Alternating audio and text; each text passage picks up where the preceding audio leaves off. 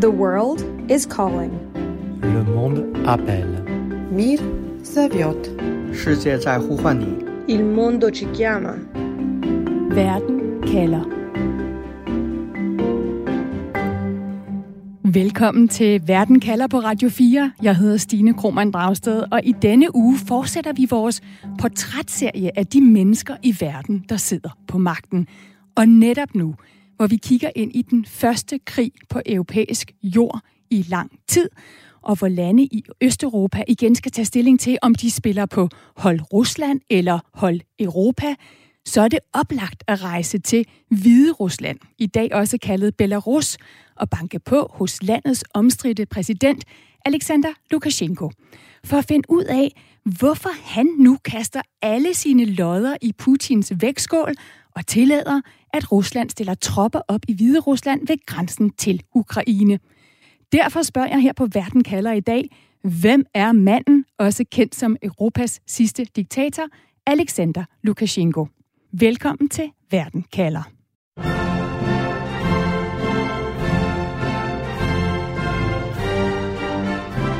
Og til lyden af den hvide russiske nationalsang, der bruger den samme melodi, som da Hvide Rusland var en republik i Sovjetunionen, kan jeg præsentere mine to gæster, der den næste time skal hjælpe os med at blive klogere på Alexander Lukashenko. Flemming Spidsbol, seniorforsker på Dansk Institut for Internationale Studier og ekspert i det postsovjetiske område, jo blandt andet Hvide Rusland. Velkommen til Verden kalder. Ja, tak skal du have. Og ved siden af Flemming, Jonathan Schacht Halling Nielsen, som er Belarus kyndig. Velkommen til, Tak. Jonathan. Jonathan, du har jo studeret og rejst i Hvide Rusland, som vi i dag jo også kalder Belarus. Du har et indgående kendskab til landet. Du har kontakter til pro-demokratiske kræfter i landet. Jonathan, allerførst kunne jeg godt tænke mig at spørge dig, hvad det fortæller om Alexander Lukashenko, at han vælger at beholde den her nationalsang, vi lige hørte, fra dengang landet var en sovjetrepublik. Jamen, øh, Lukashenko har gjort sin ledelse af Belarus til sådan et projekt, øh, Sovjetunionen fortsætter som om intet øh, var hent. Derfor bliver landet også tit beskrevet som et sovjetisk øh, frilandsmuseum. Og ligesom nationalsangen er et symbol på det, så var en af hans første embedsgerninger jo også en folkeafstemning, hvor han indførte de sovjetiske delstatssymboler øh, for Belarus. Det er derfor, man kender det her grønne-røde flag, hvor øh, oppositionen og de demokratiske kræfter bruger et hvidt-rødt-hvidt flag. Det er han, fordi han garanterer, øh, og det har været hans valgsprog gennem alle årene, stabilitet til den belarusiske befolkning. Og Flemming Splidsbol, hverken USA eller EU anerkender jo Lukashenko som legitim præsident, men mener, at han stjal det sidste valg her for to år siden fra en opposition, der havde stor folkelig opbakning. Hvorfor mener Lukashenko, at han har ret til at lede Hviderusland? Rusland? Han holder jo fast i øh, præsidentembedet, fordi det er der, han sidder, fordi han har magten, og han tydeligvis gerne vil bevare magten, og hvad han så ellers tænker om udfaldet af valget, og, og, og hvordan det egentlig forløb, øh, spiller måske en mindre rolle. Men det handler jo i høj grad om at øh, simpelthen holde fast og bevare det styre, han har øh, etableret, og bevare de interesser, som han og, og, og det enorme system, han har skabt omkring sig, de også har. Lige om lidt, så skal vi høre fra en hvide russer, hvordan det er at vokse op med en leder, der altså ønsker at blive dyrket som en, en faderskikkelse, både for Hvide Rusland og for landets indbyggere. Men allerførst, så skal det handle om, hvad Alexander Lukashenko vil med sin magt.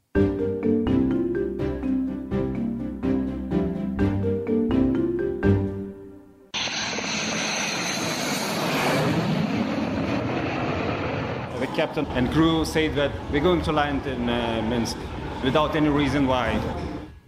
Ja, piloten sagde, at vi skulle lande i Minsk uden at fortælle, hvorfor, fortæller en passager, der var ombord på det Ryanair-fly, som Lukashenko kabrede ved hjælp af jægerfly, for simpelthen at pågribe en ung hvide russisk journalist, der var på vej fra Grækenland til Litauen. Det er kidnapninger af regimekritikere som, som denne her, som gør, at vi jo i dag kender Alexander Lukashenko som en brutal diktator. Men da Lukashenko blev valgt som præsident for 28 år siden, der var han en frisk, ung stemme, og han var en modvægt til det kaos, der hersker i Rusland efter Sovjetunionens kollaps, hvor folk slås i gaderne, hvor Ruslands Boris Yeltsin sender kampvogne mod sit eget parlament. Uh, uh, Her er det CNN's journalister, der selv må dukke hovederne is med under de her borgerkrigslignende tilstande. Det er altså virkeligheden hos den store russiske nabo, da Lukashenko træder ind på scenen i Belarus og bliver valgt som præsident i det første præsidentvalg i 1994. Flemming, hvad er det for en ambition for Hvide Rusland, som Lukashenko står for? Hvad er det, han tilbyder på det tidspunkt? Han tilbyder jo øh, stabilitet, og Jonas han har jo allerede været inde på det, altså gør sig selv til garant for stabilitet. Og, og hvis vi ser sådan helt overordnet på, hvor Belarus var på det her tidspunkt, og Rusland jo sådan set også, så skulle de igennem en række transitioner, og det var jo helt tydeligt, det vidste alle, at de kom fra et punkt og skulle et andet sted hen, og der har de øh, tidligere sovjetrepublikker jo bevæget sig meget forskellige retninger. Øh, og, øh, Lukashenko lovede på en måde, at han ville gøre den transition så nem og så smertefri som muligt, altså ligesom holde hånden over og under sin befolkning, som jo kunne se, at det skabte problemer andre steder. Og det er jo også noget af det, der, hvad kan man sige, der sikrer ham en, en vis opbakning i dag. Det er jo det, at Belaruserne ved godt, at, at de ikke har det så godt som i Litauen og Polen måske, men de har det bedre end, end flere andre steder i det tidligere Sovjetunionen. Øh, og, og det var på en måde det, der var hans, øh, hans øh, politiske ambitioner. Så også, som, som Jonathan jo sagde, det her med at øh, holde fast i Sovjetunionen. Altså et øh, Sovjetunionen, som, som er i en moderniseret udgave, men som jo stadigvæk øh, hviler på rigtig meget fra dengang. Mm. Og Jonathan, altså Lukashenko vinder jo præsidentvalget der i 1994, godt nok efter at have fjernet et par af sine politiske modstandere først. Hvad ser dem, der stemmer på ham i ham? For det første er han øh, jo en ung leder, og dem har de ikke været vant til der i Sovjetunionens døende dage. Øh, og han kommer også med en energi i forhold til antikorruptionsarbejdet, øh, og han kommer med en profil, mange kan genkende. Han øh, kommer fra landet, øh, og ikke fra byerne, og især i de der dage op til til øh, uafhængigheden, der fylder de her intellektuelle typer øh, fra byerne meget i den belarusiske øh, debat, og dem kan mange almindelige belarussere ude i landsbyerne ikke rigtig øh, identificere sig med. Han taler også det her mellemsprog mellem russisk og belarusisk, som man bruger øh, på landet, øh, og, og på den måde er der en, en stærk genkendelse i ham. Men samtidig kommer han ud fra tidligt. Man taler nogle gange om, at det første præsidentvalg er, er, er det eneste frie valg, man har haft, men han melder hurtigt ud, at øh, han er en diktatortype. Han er blandt andet hurtigt ude og sige noget om, at han beundrer Hitler og den slags. Så, så retningen er ligesom også stukket ud fra, fra start. Og Flemming, det her projekt med at levere stabilitet, lykkedes det så? Altså i hvor høj grad leverer Lukashenko på det?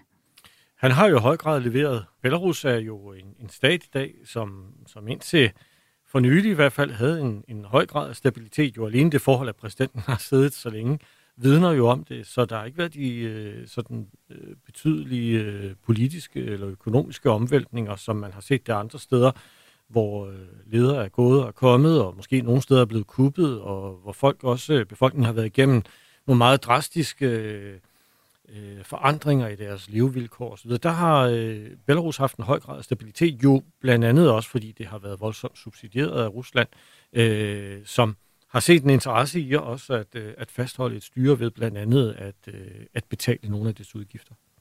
Jonathan, hvem er det, Lukashenko i scene sætter sig selv som en modpol til? Altså, hvem er hans opposition? Jamen, hans opposition har alle dage været de demokratiske kræfter i landet, og de her sådan lidt mere øh, repræsentanter for en moderne og vestlig øh, tilgang til, til tingene. Det ser man i denne her nostalgia, der er omkring øh, Sovjetunionen. Det ser man i den måde, han, øh, han, han taler om. Samtidig er det et utroligt konservativt øh, system, som, øh, som, som ikke har nogen stor forandre, forandringsvillighed.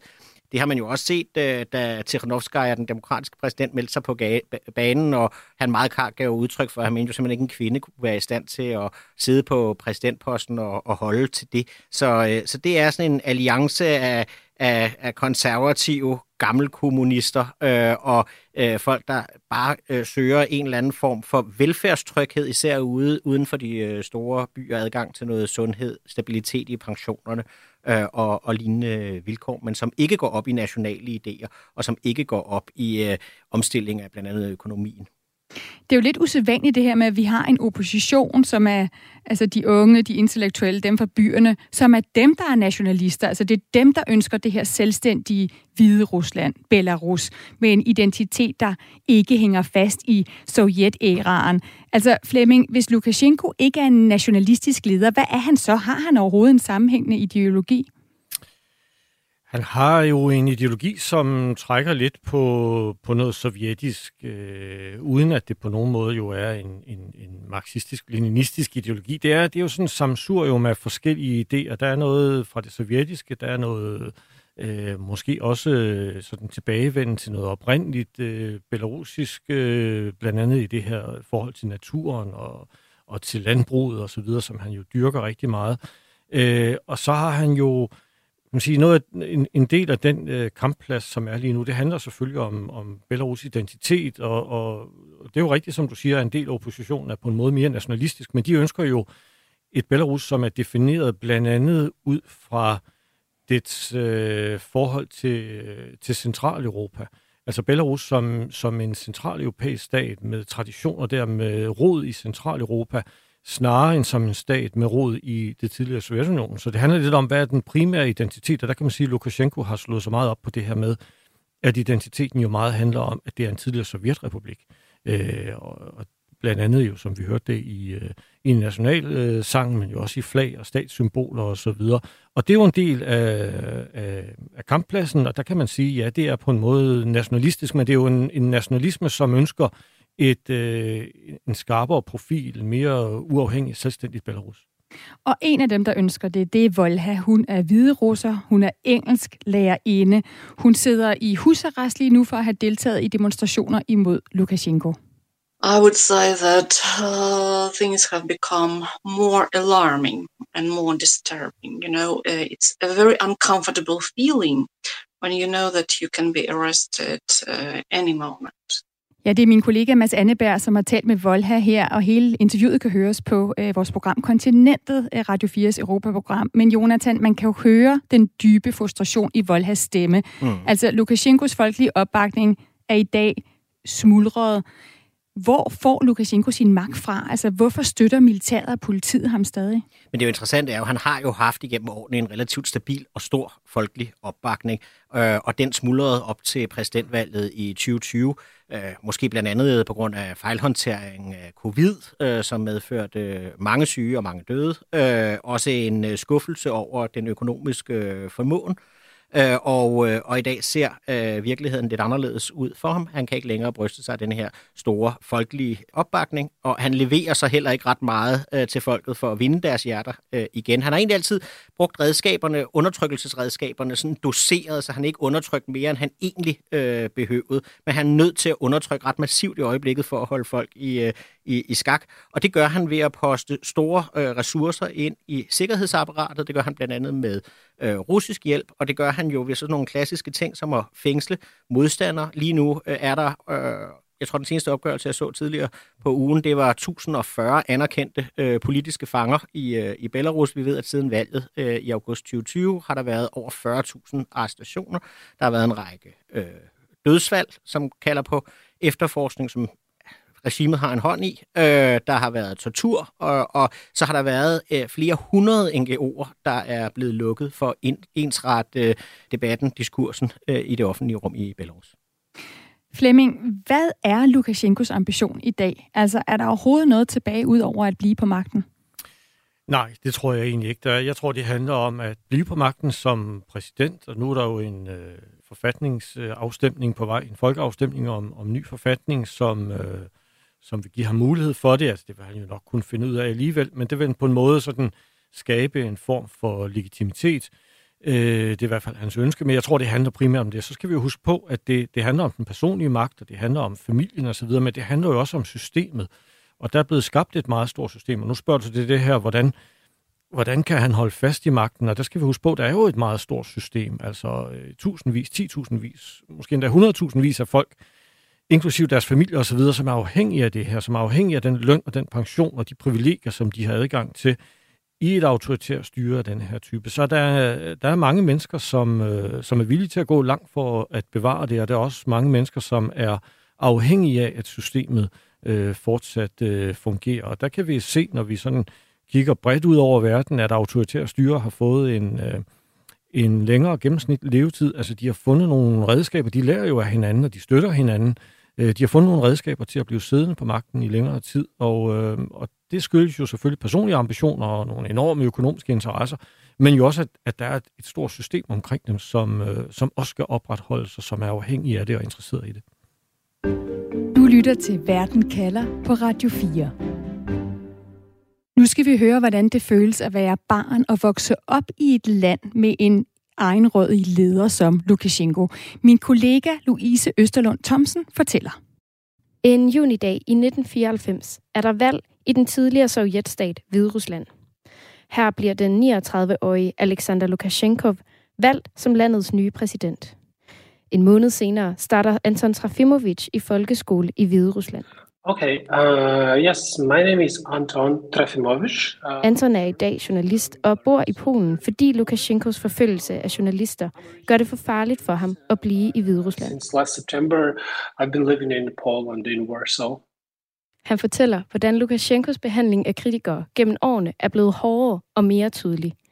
Og selvom man i dag ikke kan forestille sig et Hvide Rusland uden Lukashenko, så var det ikke tilfældet i Antons barndom i 90'erne.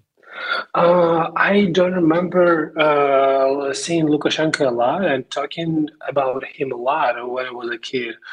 I dag besvarer Europas sidste diktator sine kritikere med vold, anholdelser og trusler. Men ifølge Anton kunne aviserne i hans barndom skrive åbent og kritisk om Lukashenko. I, I would say it was the time of, of uh, certain freedom in Belarus. Uh, and uh, yeah, you can criticize him all around. The newspapers were publishing articles with uh, critics of uh, the regime, and uh, no one was hiding their views.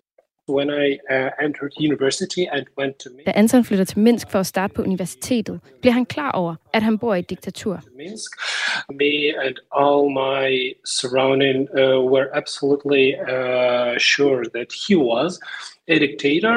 Og op gennem nullerne vokser protesterne mod Lukashenko. Yeah, in 2006, uh, the after right after the elections, uh, huge protests were taking place in Minsk. Uh, by the time, it was like the biggest in 10 years, I, I would say. Demonstrationerne presser styret, og en dag på vej til Minsk bliver Antons bus stoppet. And they were searching for our luggage, and uh, they. Uh... Anton siger, at passagerernes bagage bliver renset af politiet. De leder efter flag eller banner, som kan være tegn på, at passagererne i bussen er på vej til Minsk for at deltage i demonstrationerne. attributed uh, to the political campaign, and uh, it took like for several hours. Uh, it was kind of very dangerous. It seemed very dangerous at that time. Trusler er et vigtigt våben i Lukashenkos styre, og det mærker Anton på egen krop, da han begynder at arbejde for en regeringskritisk avis. When I um, entered university and started uh, writing for Nasha Niva, which is uh, one of the most oppositional newspapers at that time, his boss told me he will not be promoted anymore uh, by the moment when his son Hans far er ansat i militæret og står over for en vigtig forfremmelse. Men farens chef siger, at den får han ikke, hvis Anton fortsætter på sit arbejde så Anton må skifte job til et mindre Lukashenko-kritisk medie. Finish his military career, so he asked me to switch to some news, neutral media for, for a while, and uh, what I did. Ifølge Anton er det et typisk greb for styret at tro familier til stillhed. Men i de seneste år nøjes Lukashenko ikke kun med at tro sine kritikere. Han tyrer også til vold, forfølgelser og anholdelser for at holde protesterne nede. Jeg spørger Anton, hvorfor Lukashenko er så bange for sine egne borgere. Lukashenko uh, already doesn't um, cannot imagine his life uh, without Belarus, and he treats the whole country as his property. Uh, when, uh... Ifølge ham, så ser Lukashenko Hviderusland som sin personlige ejendom. Og når den ejendom så ikke længere hører efter, ja, så mister Lukashenko kontrollen og det skræmmer ham. Uh, he sees in everything not controlled as a threat to his rule. And uh, when someone uh, uh, disobeying him, uh, he can stand with that. So Derfor fængsler han de journalister og demonstranter, som modsiger ham. Over 30 journalists are now uh, under criminal case and over 1,000 political prisoners in the country. Det fortalte Anton Trafimovic altså til min kollega Louise Østerlund Thomsen. Jonathan, du kender flere hvide russere, der ligesom Anton er vokset op under Lukashenko. Du har lyttet med til beretningen her. Hvad bider du mærke i fra Antons fortælling? Jamen, jeg synes, der er meget, man kan genkende. Altså, hele den her historie om i virkeligheden den stille undertrykkelse. Øh, den, hvor man får folk til at gå i, i, i, i takt øh, med nogle relativt milde øh, greb. Her var det presset på, på faren. Jeg kan huske, da jeg selv øh, studerede i Minsk, der skulle man aflevere pas, når man havde gæster, så skulle pa- øh, gæsterne aflevere pas øh, på, øh, på, på kollegiet for at komme ind og besøge, og så blev det noteret, hvornår de kom, og hvornår de gik igen. Og så var der en historie blandt belarusserne om, at øh, dem, der havde for mange af de forkerte gæster, de blev kaldt op til rektoren på universitetet, og så fik de at vide, at øh, de nok havde et lidt for aktivt socialt liv til, at de rigtig troede på, at de kunne passe deres øh, studie. Øh, så, så det var nok smart, hvis de skruede lidt ned for det. Og det galt så dem, der mødtes med de forkerte, men det galt jo ikke dem, der øh, mødtes med, med de rigtige. Vi ved også, at en meget stor del af dem, der er ansat i de statsejede virksomheder, det er der rigtig mange, der er i Belarus, de er på etårskontrakter, så de er hele tiden afhængige af at kunne få forlænget deres kontrakter. Og de her redskaber er bare rigtig gode til at få folk øh, til at gå i takt, også uden at der er, er blod i gaderne. Øh, det er så de værktøjer, som nu viser sig ikke at have fungeret helt så godt, som de, øh, de gjorde tidligere, og derfor har Lukashenko skruet op for undertrykkelsen. En enkelt anden tilføjelse kunne måske være at sige, at det er ikke sådan, at der har været en enkelt bevægelse i retning af mere undertrykkelse. Det har bølget lidt over, over årene, blandt andet fordi Lukashenko har ført en politik, man kalder pendulpolitik, hvor hans alliancer har svinget lidt mellem øh, Moskva og Bruxelles, så at sige. Øh, så, øh, så nogle gange har, han vil, har det været opportun for ham at være øh, bedre venner med EU og USA, øh, og, øh, og så er der blevet løsnet lidt op, og folk har fået lov til lidt mere. Øh, og så omvendt, så er pendulet så på et tidspunkt svinget i retning af, af Moskva. Nu sidder pendulet sådan ret meget fast derovre. Jamen lad os vende os mod, øh, mod det nu. Altså hans forhold, Alexander Lukashenko, hvordan han står i forhold til omverdenen, som jo i den grad stadig er i opbrud, ligesom da Lukashenko kom til magten i Hvide Rusland, og hvor det trækker op til krig mellem Rusland og Ukraine, begge lande, som Hvide Rusland grænser op til. Flemming, Lukashenko er jo blevet en part i den konflikt. Hvordan det? Det er han blevet øh, på grund af sit tætte forhold til Rusland, og selvfølgelig på grund af situationen efter øh, præsidentvalget i august 2020, hvor han jo har valgt side. Og det billede, jeg plejer at bruge, det er, at han nu kun har én udgang, og det er en nødudgang, og den går til Moskva. Han har ikke den mulighed mere for for eksempel at åbne døren til Bruxelles og prøve at forhandle der. Der er ikke, der er ikke noget tilbage. Der skal vi huske på, at øh, Lukashenko og Belarus jo spillede en form for malende rolle, faktisk en, en, en temmelig vigtig rolle, som maler i, i, i 2014-2015 i, øh, i konflikten mellem Rusland og, øh, og Ukraine. Men, øh, men nu har de valgt side, og, øh, og det skyldes i høj grad øh, omstændighederne omkring hans præsidentembede og den usikre situation, han, han sidder i. Så han har valgt at alliere sig meget tæt med Rusland, meget, meget tæt endda, og, og, og mens vi taler, og mens vi fokuserer meget på Ukraine, så er Rusland jo ved at øh, stort set at sluge Belarus i en stor mundfuld. Øh, og der har han altså valgt side, og han er på den måde blevet en, blevet en part i det, og lige aktuelt er der jo øh, meget stor russisk øh, troppekoncentration i Belarus. Øh, de tager hjem på et tidspunkt, men øh, det er meget sandsynligt, at en stor del af dem de vil blive i landet. Øh, og det er en del af prisen for, at øh, han kan få lov at sidde som præsident. Så han kan ikke mere det her med først at danse lidt med Europa, og så at danse lidt med Rusland. Øh, Jonathan, nu hvor Lukashenko så er helt i lommen på, på Putin, som, som Flemming også beskriver, har han så overhovedet noget råderum tilbage som leder?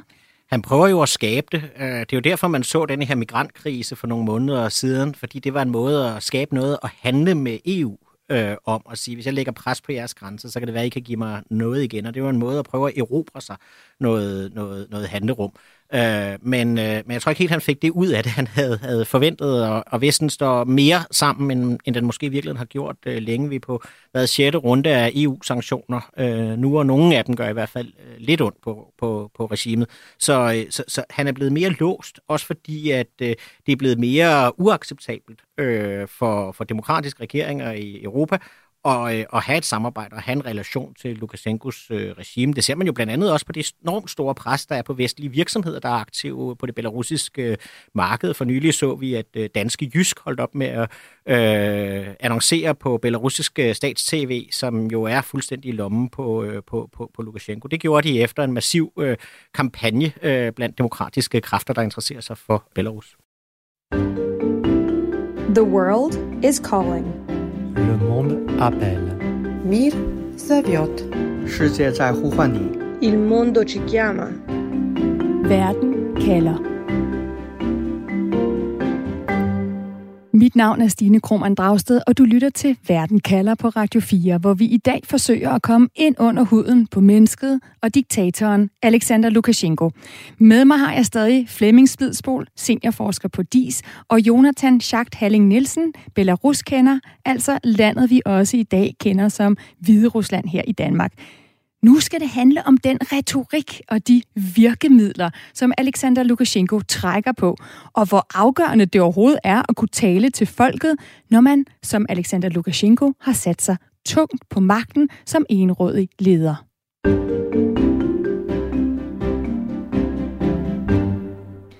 Alexander Lukashenko er jo enormt god til at skabe opmærksomhed om sig selv ved at sige vilde og kontroversielle ting Som her, hvor Lukashenko deler gode råd om at undgå at blive smittet med corona. Я человек не пьющий, но в последнее время в шутку говорю, что Folk kan for eksempel vaske deres hænder med vodka, og derudover kan de drikke sprit hver dag for at forgifte virusen, mener han. Man kan tage sauna, og så synes Lukashenko, at det er rart at se folk køre i traktor. Traktoren vil kurere alle, påstår Lukashenko. At arbejde i marken vil kurere alle. Jonathan, det her, det er jo, hvad Søren Brostrøm herhjemme vil kalde misinformation, men, men det er jo ikke helt tilfældige ting, som Lukashenkos slynger ud her. Hvad er det for en tradition med gamle huskeråd, som Lukashenko tapper ned i her? Men han er god til at få folk til at trække på smilebåndet, også selvom han er brutal og nådesløs med den anden hånd. Han sagde også engang, at han ville hellere være diktator end at være homoseksuel. Så på den måde så kan han sige en del ting, som kan provokere og alligevel sige noget om, hvor han, han står. Men det er rigtigt, at Belarus har en tradition for denne her folkevisdom, kan man vel nærmest øh, kalde det. Så når man konkret taler for eksempel om, om vodka, udover at der bliver drukket alt, alt, alt for meget af det øh, i landet, og gennemsnitslevetiden er øh, som følger, så er der i forvejen sådan nogle råd med, at hvis et barn har øh, dårlig mave, eller har noget influenza, eller sådan et eller andet, så skal man knuppe huden med vodka og sådan nogle ting. Og det er den der slags øh, overtro, han, øh, han tapper ind i. Og her må man igen forstå denne her opdeling mellem by og land, mellem det intellektuelle i byerne og det mere folkelige øh, på landet. Og han appellerer typisk øh, til land, øh, Belarus, øh, og, og til, det, til det folkelige. Det kan man høre i hans sprog, det kan man øh, se i den måde, han, han taler, og den her øh, friske øh, bemærkning. Men man må så bare lige sige i forhold til den konkrete bemærkning omkring øh, covid,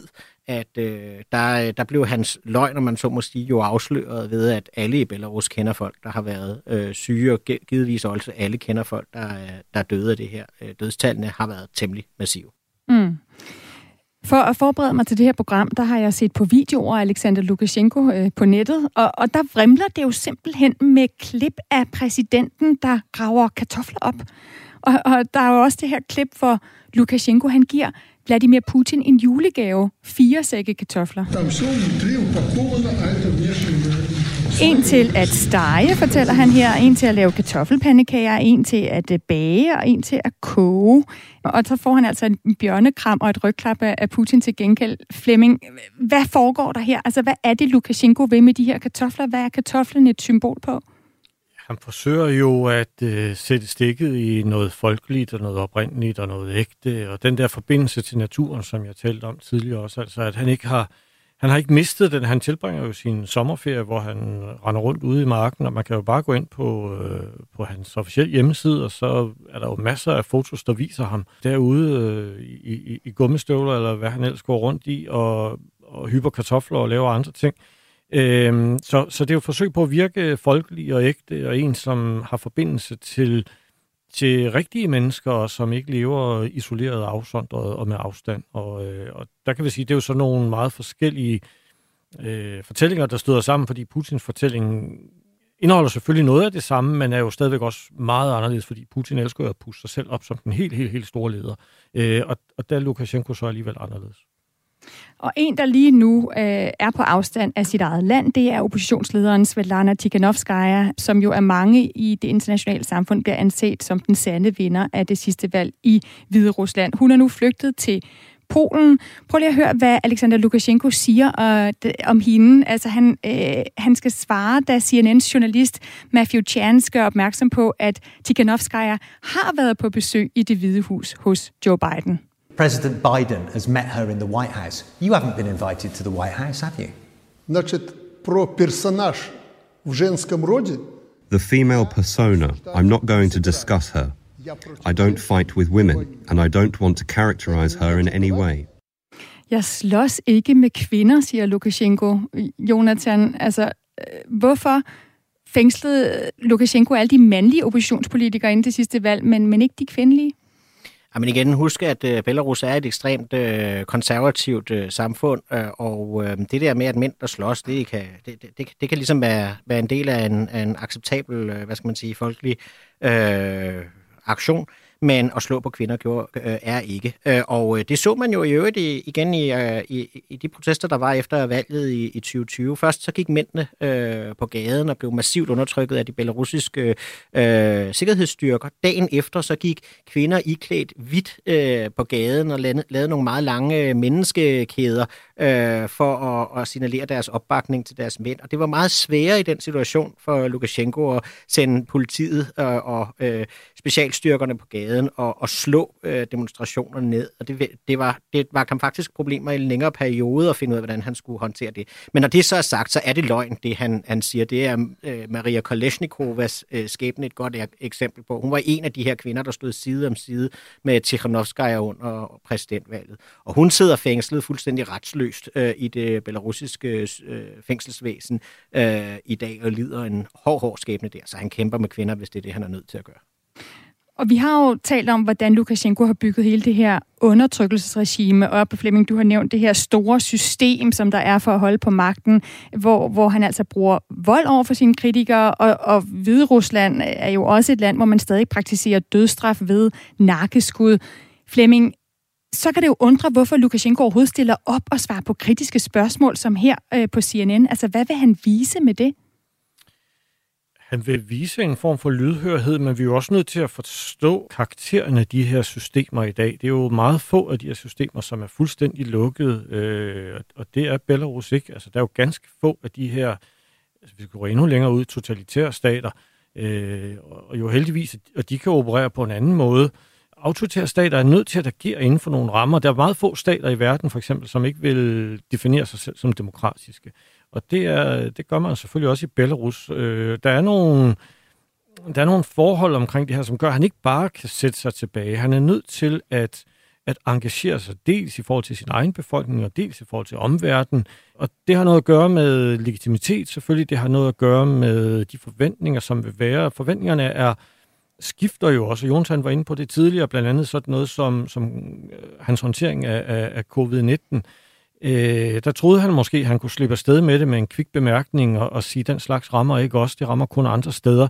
Men det ved folk jo godt, at det ikke passer. Og, og så kommer det til at virke ikke bare som en løgn, men som en, en, en virkelig ubehagelig øh, løgn og, og, og et forsøg på at skubbe noget væk, som betyder meget for folk. Så han er nødt til at engagere sig. Han er nødt til at tale til sin egen befolkning, og det gjorde han jo også i efteråret 2020. Han er nødt til at tale også på en måde til internationale medier, fordi han jo er afhængig også af, af, af samarbejde og, med Vesten. Så, så jeg tror, det er vigtigt at forstå, at øh, karaktererne de her styre, selvom de er meget undertrykkende og autoritære, så er det de færreste af dem, som kan isolere sig. De er nødt til at opretholde den her illusion om en form for legitimitet, og det kan også indebære, at de er nødt til at tale med, med vestlige medier i forsøg på at, ligesom at, at opretholde det eller vinde noget af det. Måske en, lige, en sidebemærkning, hvis jeg må, fordi det er jo helt, jeg er egentlig helt enig, uh, Flemming, i forhold til, at han også gerne vil tale om, at det er en demokratisk stat, og det står der sådan set også i forfatningen, og det står der også i den nye forfatning, uh, som, som er under debat i, uh, i eller debat og debat, uh, som, som i hvert fald er foreslået af Lukashenkos regime i øjeblikket. Men han fik faktisk for nylig,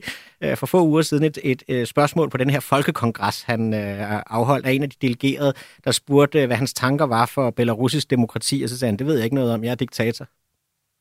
Ja, og det siger jo måske også noget om, hvad det er for en type retorik, Lukashenko kan bruge, når han sidder på CNN, øh, og når han så øh, gerne vil vise, at han er hvide Ruslands stærke mand stadigvæk. En ting er, hvordan han kommunikerer som, som leder. Noget andet er, hvem mennesket bag magten egentlig er, og det skal det handle om nu.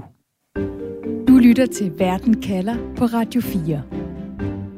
For jeg kunne nemlig godt tænke mig sammen med jer, Flemming Svidsbol og Jonathan Schachthalling Nielsen, at forfatte en blå bog over Alexander Lukashenko. Altså, jeg kan jo starte. Vi ved, at han er 67 år gammel. Han er 188 cm høj, og han voksede op i øh, meget øh, i en fattig landsby øh, alene med sin mor.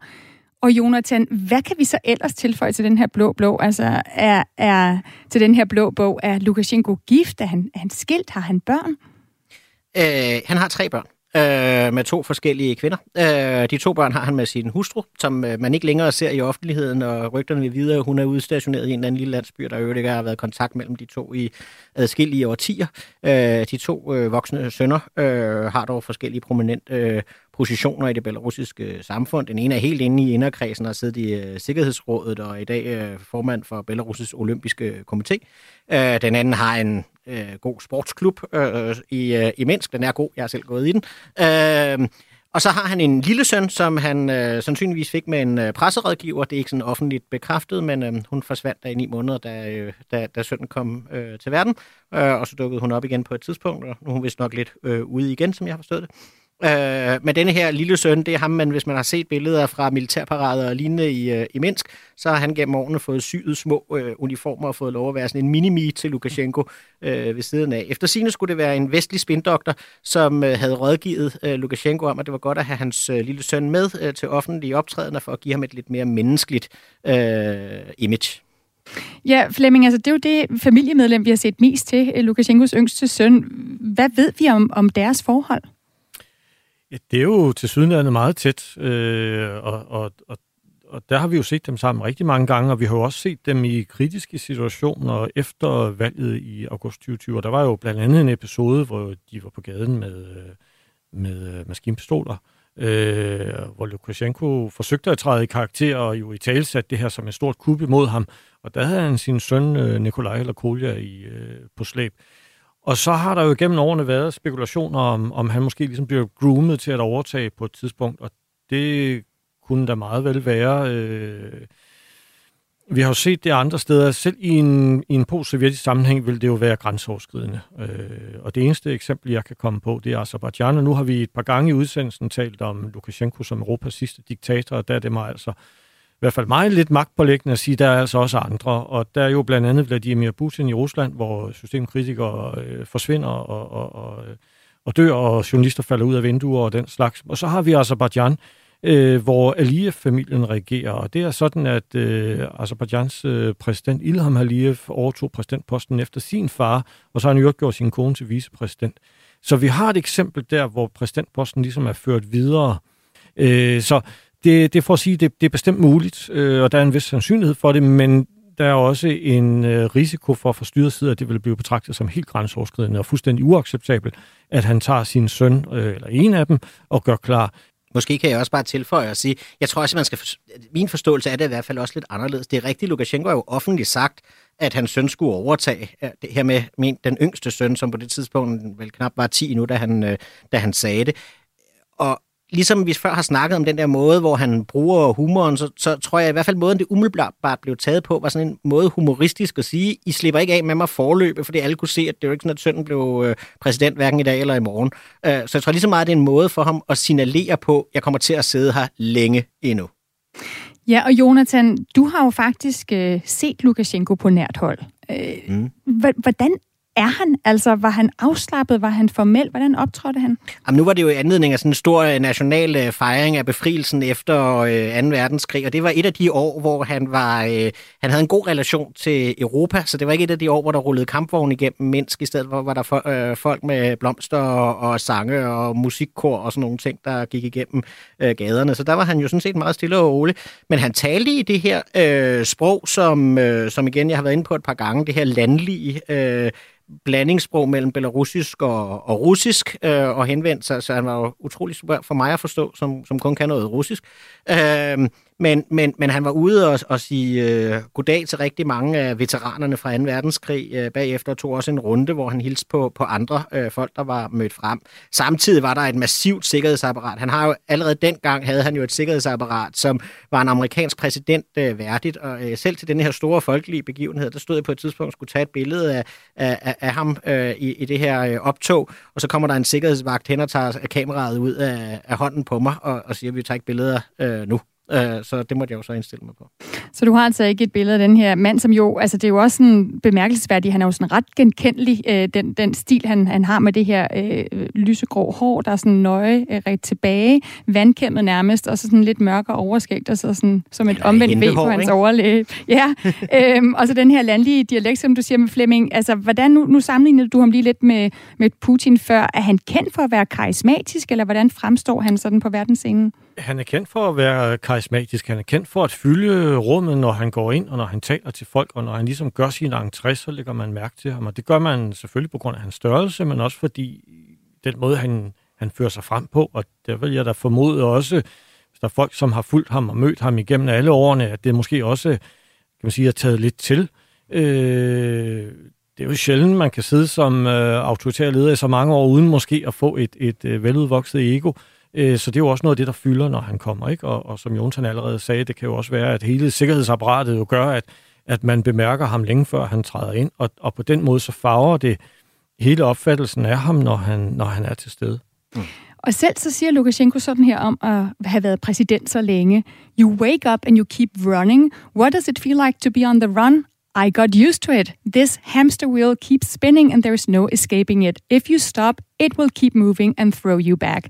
Altså, han bruger udtrykket on the run, på flugt. Han bruger no escaping it, altså ingen udvej. Han, han beskriver jo simpelthen her, at han ikke kan stoppe.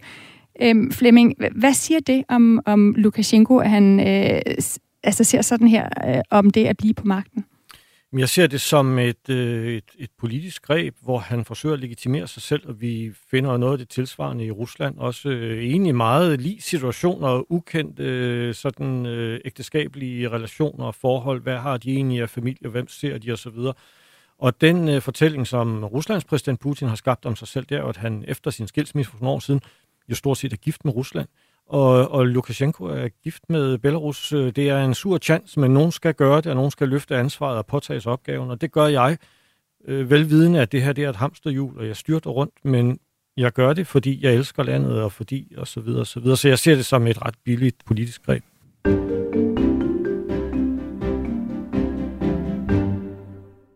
Hvem er manden kendt som Europas sidste diktator, Alexander Lukashenko? Det er spørgsmålet, jeg stiller i Verden kalder her på Radio 4 i dag, hvor vi har tegnet et portræt af et menneske, der greb magten i Hvide Rusland, da han fik muligheden for det i årene efter Sovjetunionens kollaps. En magt, som Alexander Lukashenko har holdt på i snart tre årtier ved at fremstille sig selv som Hvide Ruslands stærke mand med forbindelser til jorden og til folket, ved at rulle demokratiet tilbage og slå brutalt ned på oppositionen, og ved at være en egenrådig leder, der nægter at danse efter hverken Ruslands eller EU's pibe, i hvert fald indtil for nylig. For Flemming, nu har Lukashenko jo, som I også har fortalt, kastet sig fuldstændig i Putins arme hvor meget magt har han overhovedet over sit eget land lige nu? Du fortalte blandt andet, at nu står der jo rigtig mange russiske tropper i Hvide Rusland. Hvor, hvor meget har øh, Lukashenko skulle have sagt? Det synes jeg er svært at sige. Min, min analyse, min formodning siden præsidentvalget i 2020, i hvert fald et, et kort stykke tid efter, det var jo, at Lukashenko ville ikke sidde som præsident, hvis ikke han havde Ruslands opbakning. Altså, der, der er gjort noget, både noget passivt, det vil sige, der er nogle ting, man fra russisk side har undgået, øh, undladt at gøre. Det kan være sådan noget som at øh, hæve energipriser eller gøre nogle andre forhold, som ligesom tænker, nu bringer vi det tilbage til en anden form for normal tilstand. I skal til at betale det samme, som andre gør, eller hvad det nu skulle være. Og så er der nogle aktive foranstaltninger, altså nogle aktive aktioner fra russisk side, og det er jo blandt andet sådan noget med, at russiske journalister og redaktører er ankommet til Belarus, og de er meget mere professionelle, de er meget mere aggressive, de er meget mere kyniske, end det vi har set i Belarus tidligere. Øh, og på den måde hjælper man ham aktivt med at fastholde magten. Men prisen er høj, og altså, igen, min formodning har været, at uden russisk støtte, så vil han ikke få lov at sidde, han vil ikke have mulighed for at sidde. Så jeg ser nogle, nogle muligheder også, øh, nogle scenarier her. Den ene er selvfølgelig, at han gør klar til at blive siddende som præsident nu, og et andet scenarie, det er på et tidspunkt, så prikker Putin ham på skulderen og siger, nu er det nu, kammerat, nu har vi fundet en, øh, en aftægtsbolig til dig i udkanten af, af Moskva, og der kan han så i øvrigt bo sammen med andre øh, tidligere præsidenter fra de tidligere Sovjetunionen, øh, eller fra tidligere Sovjetrepublikker, øh, og, og det kan jeg sagtens se for mig også, at det, det kan ske på et tidspunkt. Så, så hans reelle råderum er jo sandsynligvis ganske, ganske lille. Volha, som vi hørte fra det tidligere, som sidder i husarrest i Hvide Rusland for at demonstrere mod regimet, hun siger, at hun ved ikke, hvad kritikere som hende aktivt skal gøre imod den her folkeafstemning, som kommer i næste uge, altså den 27. februar, hvor Lukashenko altså siger, at han vil have en opdateret forfatning for at sikre landet mod trusler. Prøv lige at høre, hvad hun siger. If we really had hope that it is possible to overthrow the regime, uh, then I think people would uh, take action. But I don't know what could uh, work as a trigger. I don't know. Hun ved ikke, hvad der kunne udløse, at regimet bliver væltet, siger Voldhalser her. Jonathan, hvad ser du, der kan udløse et magtskifte i Hvide Rusland? Der er ingen tvivl om, at Lukashenko sidder stærkere i sadlen, end, end, end han har gjort måske på noget tidspunkt siden august øh, 2020, fordi det er lykkedes ham at undertrykke øh, store dele af oppositionen. Stor del af den har været nødt til at flytte til, til udlandet. Omvendt er oppositionen også mere forenet, den har været øh, nogensinde før, og mere øh, ensrettet dens krav til forandringerne i, øh, i Belarus. Så der er en, i hvert fald en meget stærk lobby imod ham i, øh, i Vesten. Hvis man skal kigge på, hvad der kunne få en led i forandringer, der er jo risikoen for et palaskup, og det ved jeg jo, at han selv er, er opmærksom på. Det er jo en af grundene til, at han har et meget stærkt sikkerhedsapparat, at han jo tit skifter rundt på posterne i sikkerhedsapparatet og øh, skifter ud, hvem der sidder som chef for den belarusiske efterretningstjeneste KGB og, og lignende centrale institutioner. Øh, så, så man kan sige, især med det øh, højdramatiske øh, spil, man ser i øjeblikket i forhold til øh, Ukraine og i forhold til Ruslands rolle i regionen, så er det jo interessant at se, om han kan holde sammen på sit regime i, i, i det, der folder sig ud. Og man kan sige, hvis der bliver en krig, hvis der er øh, belarusiske soldater, der dør i en krig, så tapper man altså også ned i noget, som der er en enormt stor skepsis for. Man skal huske, at den primære, måske måske den primære årsag til, at, at Belarus aldrig blev en del af, af Rusland under, under øh, øh, Lukashenkos ledelse, er øh, en enorm frygt fra øh, de dage, hvor Sovjetunionen kæmpede i Afghanistan, hvor rigtig mange øh, unge øh, belarusiske mænd gav øh, livet for en kamp, som de egentlig ikke synes var deres, men som var udtryk for øh, en eller anden form for, for russisk imperialisme. Og hvis belarusiske mænd, unge mænd igen skal dø i Ruslands krige, så kan det også godt få en led i en forandring af modstanden, så den måske bliver mere voldelig øh, og, og mindre øh, talende. det har vi allerede set nogle eksempler på. Øh, senest øh, har der været eksempler på både rent fysisk togsabotage, men også øh, en, en hackergruppe, som simpelthen har hacket togvæsenet øh, for at forsinke de russiske troppetransporter ind i Belarus. Og Flemming, øh, til sidst her, altså vi står, som Jonas også beskriver, i, i den her øh, konflikt, som kan ende i, i en krig, hvor der er tropper i Hvide Rusland, russiske tropper, en konflikt, som jo i bund og grund handler om styrkeforholdet mellem Rusland og, og Vesten, og som udspiller sig helt fysisk i form af de her tropper øh, på Ukraines og Hvide Ruslands grænser. Hvis du skal øh, kigge øh, 10 år frem i tiden, øh, hvor tror du så, at Hvide Rusland står? Altså står de tættere på Rusland eller tættere på Europa? Jeg tror nok, at det mest sandsynlige er, at de om 10 år står tættere på øh, Rusland, og det vil ikke øh, nødvendigvis være med Lukashenko som præsident, måske endda ikke. Øh, sandsynligvis ikke, men med en pro-russisk præsident. Og jeg tror, øh, Rusland de gør nogle øh, ansatser nu, de gennemfører forskellige politikker, som bringer Belarus tættere på. Og det har jo været sådan igennem et kvart århundrede nu, at de to lande jo formelt har som ambition, at de på et tidspunkt skal forenes i en eller anden form. Øh, Øh, og Putin tager sig øh, rigtig velbetalt for den politiske og økonomiske støtte, som han giver til Lukashenko. Der er indgået en lang række aftaler. Nu talte vi tidligere også om det militær. Jeg har svært ved at, øh, at se de her meget store forandringer i Belarus lige nu. Øh, det vil snarere være en mindre forandring, som vil få en led i af, som jeg sagde, at Putin prikker Lukashenko på skulderen og siger, nu er det nu, øh, nu har vi fundet en anden. Og der skal vi huske på, siden august øh, 2020, der har vi haft øh, ret store omvæltninger og protester, både først i Kirgisistan og så i Kazakhstan. Og det er to meget anderledes lande, men de deler jo også den, øh, den historie som tidligere sovjetrepublikker.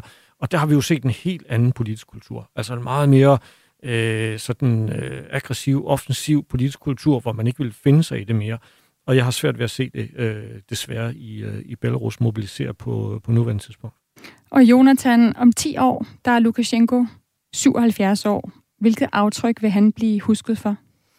Jamen, han kan blive husket for flere ting. Altså, det kommer også meget an på, hvordan de næste måneder øh, spiller sig ud. Fordi hvis ikke de spiller sig ud med en massiv øh, russisk dominans over området, så øh, er han jo et udskud for, at han har sikret Belarus' øh, uafhængighed. Det har i hvert fald været noget, han selv demokratiske kræfter har anerkendt ham for, i, i hvert fald indtil øh, til han begyndte at sælge butikken til, øh, til russerne.